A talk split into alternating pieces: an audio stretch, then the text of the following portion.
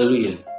Pendengar yang terkasih dalam Tuhan Yesus, di mana pun Anda berada, damai dan sukacita menyertai kita semua. Renungan Soh bagi Jiwa yang disajikan Gereja Yesus Sejati berjudul Aku Akan Membalas. Dalam nama Tuhan Yesus membaca Renungan Firman Tuhan. 1 Samuel pasal yang ke-15 ayat yang kedua. Beginilah firman Tuhan semesta alam, Aku akan membalas apa yang dilakukan orang Amalek kepada orang Israel, karena orang Amalek menghalang-halangi mereka ketika orang Israel pergi dari Mesir.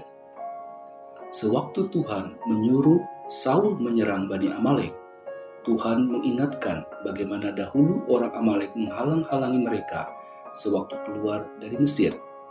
Maka Tuhan berfirman, agar Saul menumpas segala yang ada pada orang Amalek. Jangan ada belas kasihan kepadanya. Bunuhlah semuanya, laki-laki maupun perempuan, kanak-kanak maupun anak-anak yang menyusu, lembu maupun domba, unta maupun keledai. Hal ini menjadi peringatan bagi kita. Saul hidup lebih dari 400 tahun setelah bangsa Israel keluar dari Mesir.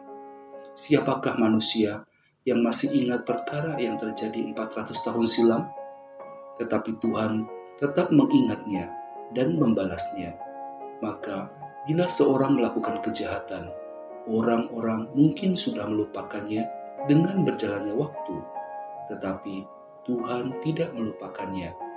Mungkin pada waktu perbuatan itu terjadi, Tuhan tidak seketika membalas kejahatannya, tetapi Tuhan pasti membalasnya pada waktu yang dia tentukan.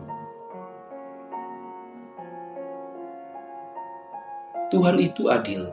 Dia sama sekali tidak membenarkan orang yang berbuat dosa dan tidak akan melupakan kejahatan yang dilakukan manusia.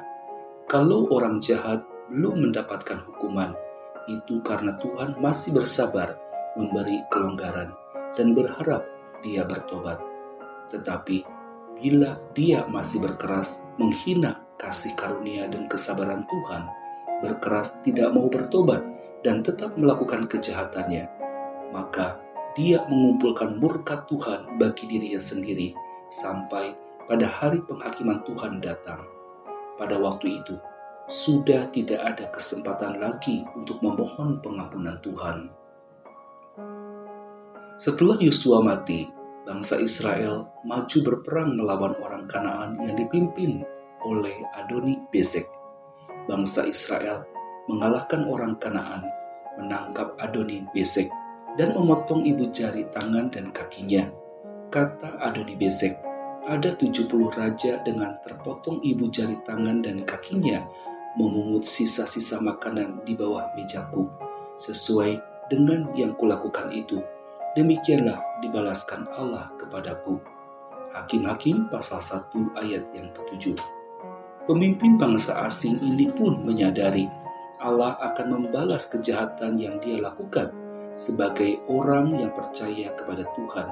Bukankah kita harus lebih waspada bahwa Allah pasti akan membalas setiap orang menurut perbuatannya?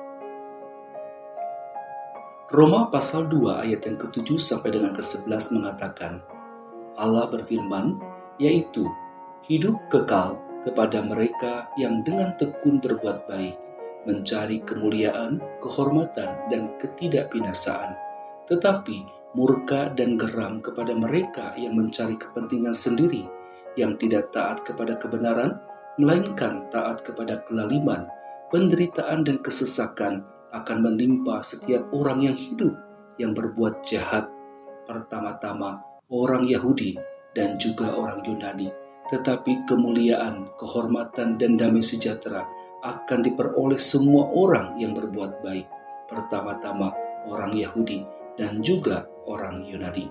Sebab Allah tidak memandang bulu. Semua firman Allah adalah tetap dan pasti.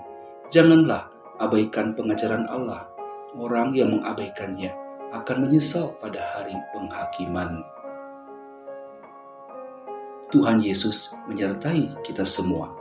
Amin.